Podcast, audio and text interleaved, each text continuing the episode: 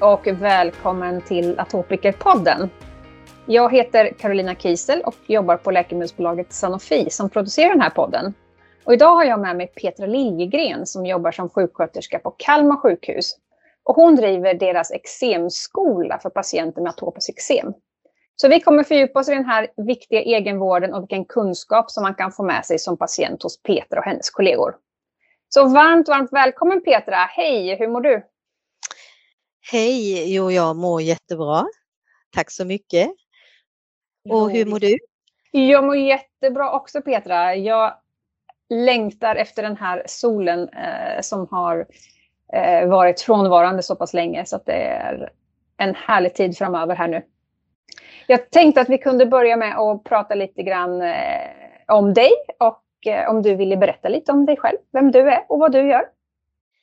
Ja, jag heter ju Petra då och Eh, arbetar som, precis som du sa, som sjuksköterska på hudkliniken i Kalmar sedan lite fyra år tillbaka, drygt. Eh, jag bor på Öland med min familj och eh, jag har fyra barn och en svart labrador. Jag har arbetat inom vården sedan jag var 18 men hade ett uppehåll på tio år då jag jobbade lite med IT-media. Du jobbar ju på en specialistmottagning inom hud på Kalmar sjukhus. Och jag undrar, när du för första gången möter en ny patient, vad är det för patient du har framför dig? Hur mår patienten i sin eksem? Eh, ja, men det kan ju vara små barn som fått ett besvärligt eksem som har fått en remiss till oss. Eh, ibland är det en patient som haft besvär med sina eksem en längre tid och som av någon anledning inte sökt hjälp. Många har redan provat behandling med kortisonkräm och mjukgörande men det är svårt från början att få in en bra rutin Eh, veta hur man ska smörja och hur mycket och därför har de kanske inte haft så god effekt av det. Förutom då de här besvären med intensiv klåda och rodnad, torr hud är det ju inte sällan att de mår väldigt psykiskt dåligt av sitt eksem. Och det kan vara så att de inte sover, de har en olidlig klåda, river sönder huden och som blir ännu mer röd och torr. Sårig och det gör väldigt ont. Och patienten kommer helt enkelt in i en ond cirkel. Det här påverkar livskvaliteten väldigt negativt för både patienten men även för familjen. Patienten kan ha svårt att koncentrera sig eh, i skolan eller på arbetet. Man vill inte visa sin kropp för kompisarna, det känns pinsamt och skämmigt och eh, man avstår ibland från att umgås eller befinna sig i sociala situationer. Sen eh, lite mindre barn kan råka ut för att eh, man säger i skolan till dem att eh, jag vill inte ta i dig för jag tror att det smittar. Och det har ju att göra såklart med att det är små barn som inte har förståelse för vad eksem är. Men för den som drabbas är det väldigt jobbigt. Och att vara tonåring med atopiskt eksem kan vara mycket svårt. Så det är väldigt ofta som jag har en ledsen patient eh, på eksemskolan första gången. Och då kommer vi ju faktiskt in direkt på den fantastiska verksamhet som ni bedriver som är lite speciell hos er. Just eran eksemskola. Kan du berätta lite om den? Alltså de kommer ju hit på ett fysiskt besök. Så får de ju där lite information och undervisning om hudens uppbyggnad och funktion. Eh, och vad atopiskt eksem är. Vad som händer med hudbarriären när man har eksem och så fokuserar vi också på hur man kan behandla och lindra besvären såklart. Visa smörjteknik och eh, hur mycket kortisonkräm och mjukgörande man ska smörja. Och sen ger vi lite andra tips och råd eh, kring vad man kan tänka på för att minska besvären. Patienten upplever ju det här olika med, med atopiskt eksem och därför så utgår våra samtal alltid från den unika patienten vi har framför oss och deras upplevelse. Och det handlar väldigt mycket om att öka livskvaliteten. Vi pratar också om hur det påverkar familjen att ha en anhörig med atopiskt eksem. För föräldrar med barn som har eksem är ju detta en utmaning på många sätt. När de är här så gör vi ofta upp en individuell plan för behandling. Ehm, doktorn först naturligtvis, men sen också jag tillsammans med patienten kan också göra en plan för hur vi ska lägga upp uppföljning och så vidare. Och sen så följer vi upp en eh, via telefon först och främst mellan ja, fyra, fem veckor efter eh, eksemskolan och eh, kan då förhöra oss lite hur, hur går smörjningen nu efter att de har varit och fått eh, information hur man ska göra och hur mår de? Hur mycket eksem har de? Och i, väldigt många fall så får vi väldigt positiva svar att det faktiskt går mycket bättre. Nu har de förstått hur de ska göra. Det är ju ofta så att man behöver den här informationen flera gånger. Så att det är positivt redan efter fyra, fem veckor faktiskt. Sen så brukar vi också inte bara fånga upp dem hur de mår genom att prata med dem, men, och då självklart beroende på ålder, men vi har ju andra verktyg vi kan använda i form av formulär för eh, hur man mår och hur livskvaliteten är påverkad. Och det är väldigt viktigt för oss att få veta hur det verkligen är. Och vi vill ju hjälpa dem att få behandlingskontroll. Det är det allra viktigaste. Att de vet när och hur de ska smörja. För det får de också känna sig väldigt trygga i situationen. Och så får patienten och familjen med atopiskt eksem att våga lyfta svåra frågor eh, och situationer som påverkar dem är en viktig uppgift för oss. Att tala om för dem att de inte är ensamma är viktigt för eh, barn och tonåringar. Och eh, motivera till egenkontroll och egenvård är lättare faktiskt när de förstår att genom att till exempel noggrant smörja med mjukgörande varje dag så kan de eksemfria perioderna förlängas. Så det gäller att lyfta det positiva som kan hända dem, som kan få dem att må bättre och som ger dem bättre livskvalitet. Det låter som att eh, ni då inom vården får så att säga vara den ständiga motivatorn eh, till patienten. Ja, det stämmer. Det är ju en jättestor uppgift som vi har att motivera på patienterna till egenvård och, och egenkontroll och sen så står vi vid sidan om och hjälper till så mycket vi bara kan. Vilka saker på skolan brukar era atopiska eksempatienter ofta lätt att ta till sig? Och sen eh, följdfråga på det, vad är det som de ofta brukar ha svårt att, att eh, ta med sig eller följa? De förstår ju också ofta vad, alltså vad eksem är och eh, hur det ter sig, att det kan gå upp och ner i skov. För det är ju eh, det, är ju det de upplever, så det är lättare att relatera till och eh, liksom komma ihåg såklart. Sen kan de ha svårare att förstå vikten att smörja med mjukgörande varje dag och att det faktiskt är den grundläggande behandlingen. Och sen är det svårt att förstå eller att man inte vet att det är väldigt viktigt att det inte slutar med kortisonkräm så fort eksemet försvunnit utan att man ska följa nedtrappningsschema man har fått av doktorn.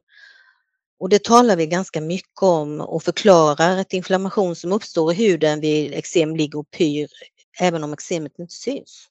Och därför är det också väldigt viktigt att inte avsluta sin behandling. Så det gäller att kunna motivera patienten med svårt eksem att fortsätta att smörja.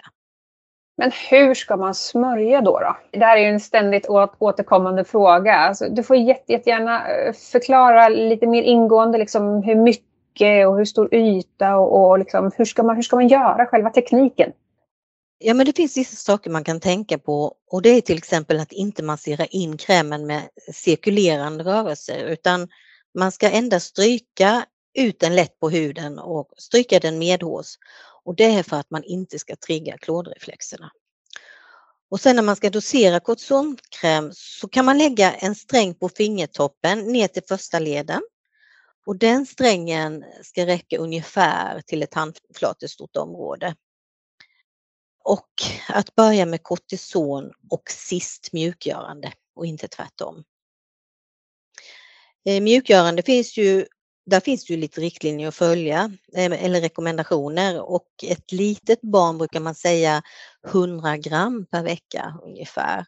Ett mellanstort barn eh, cirka 150 och, och eh, större barn till vuxen 200. Det är ganska mycket när man tittar efter och det, man märker att föräldrarna känner att det här har jag inte lyckats så jätteväl med. Och vi försöker absolut tona ner att man ska inte få dåligt samvete utan eh, de får lite att förhålla sig till och jag brukar säga att kan man öka lite grann, att man kommer lite närmre rekommendationerna så är det jättebra. Så vi försöker pusha dem och, och berätta att de är duktiga oavsett eh, om de inte har lyckats att smörja exakt så mycket som vi vill. Just kortison är ju ett eh, litet laddat ämne och jag antar att du får en hel del frågor om just det. Så jag undrar om du skulle kunna avliva några av de myterna som gäller kortison? Ja, det stämmer. Jag får nästan alltid frågor kring kortison och de allra flesta är väldigt rädda för att smörja med kortison för de tror att huden blir helt förstörd direkt när man börjar smörja med kortison, att den blir tunn och skör. Och det här är någonting som vi försöker prata med dem väldigt mycket. Just för att kortisonbehandlingen är otroligt viktig för många för att få bukt med eksemet. Gamla lärdomar ligger kvar här att man ska smörja så tunt som möjligt och på, på så kort tid som möjligt. Och tyvärr gör denna okunskapen att många patienter avslutar sin behandling med kortison för snabbt och resultatet blir ju att patienten ofta blir underbehandlad. Det är viktigt att veta för dem att det finns olika starka kortisonkrämer. Vi har ju fyra grupper av kortison och de är anpassade för att användas på olika delar på kroppen. Så man har en svagare i ansiktet och en starkare på övriga kroppen. Och genom att smörja rätt kortisonkräm på rätt plats, alltså på den inflammerade huden och på rätt kroppsdel och enligt nedtrappningsschema, så eliminerar man eller reducerar riskerna att huden blir påverkad av kortisonkräm. Och vinsten blir istället att de eksemfria perioderna blir mycket längre. Har du några andra eh, tips och eh, tricks som du skulle kunna dela med dig som kan göra livet enklare? Ja, men vi brukar ge lite småtips som, har, som att ha svalt i sovrummet, att ha en pyjamas med långa ärmar och ben på sig för, för att inte komma åt att riva. Och att eh, hälla lite barnolja i badvattnet för att inte torka ut huden. Man kan tänka på att använda kläder av bomull då andra material kan irritera huden. Tänka på att använda så skonsamma rengöringsprodukter, eh, tvättprodukter eh, som är parfymfria. Och en sak till är att eh, inte börja utesluta olika produkter i kosten utan att diskutera med läkaren först. För just eh, den frågan brukar vi få också. Eller att de säger att ja, men vi har försökt utesluta detta och detta. Så att eh, det brukar jag ta upp bland tips och råd. Det är ganska få kliniker som i alla fall jag och vi vet om som har en liknande eksemskola som ni har. Kan vem som helst i landet eh, komma till er eller är det bara patienter med remiss i Kalmar som kan besöka er? Ja, det är ju oftast patienter med remiss i Kalmar som kommer till oss på eksemskola. Det är det. Mm. Petra, vad är det allra bästa med ditt jobb? Det är att jag kan medverka till bättre livskvalitet genom att patienten får lära sig så mycket som möjligt om sin diagnos och hur den kan behandlas. Och från att ha träffat en eh, uppgiven patient på första besöket så får jag ofta efter att patienten fått in rutin och självklart rätt behandling träffa dem igen betydligt gladare och där de beskriver hur deras livskvalitet har förbättrats och eh, att de kan leva ett normalt liv trots att de har eksem. Du har en, en fantastisk uppgift. Absolut. Vad skulle du vilja att patienter med atopiskt eksem hade kunskap eh, om idag? Det vill säga någon information eller tips som du hade önskat att de kanske hade vetat eh, från allra första början? Ja, men det är nog att de förstod redan från början hur viktigt det är att smörja med mjukgörande och, och andra läkemedel som de ordinerade. Och göra det på rätt sätt. Alltså man kan mycket tidigare få bukt med sitt eksem och att om inte det fungerar så finns det ju idag väldigt bra behandlingar för att minska besvären eh, med eksemet och som inte har funnits så många år egentligen. Sista frågan. Vad gör dig lycklig Petra? Första kaffekoppen ute i vårsolen när den precis har kommit. Det är lycka. Jag håller med dig. Jag längtar efter det också. Petra, jag säger ett jättestort tack för att du tog dig tid att vara med oss här idag. Och att du har lärt oss vikten av att basen till behandling för atopiskt eksem är att aldrig sluta med mjukgörande och inte stoppa med smörjningen utan smörja varje dag, eller hur? Absolut, jätteviktigt. Att, mm. att ge huden den förutsättning som den kan få. Så stort tack för att du var med. Tack så mycket. I nästa poddavsnitt har vi med oss Annika Nilsson som har haft mild astma sedan hon var tonåring. Följ med hennes berättelse om hur hon äntligen har fått bättre sjukdomskontroll som vuxen. Och glöm inte att prenumerera på vår podcast så att du får notiser när det kommer nya avsnitt. Tack snälla för att du lyssnade. Vi hörs snart igen.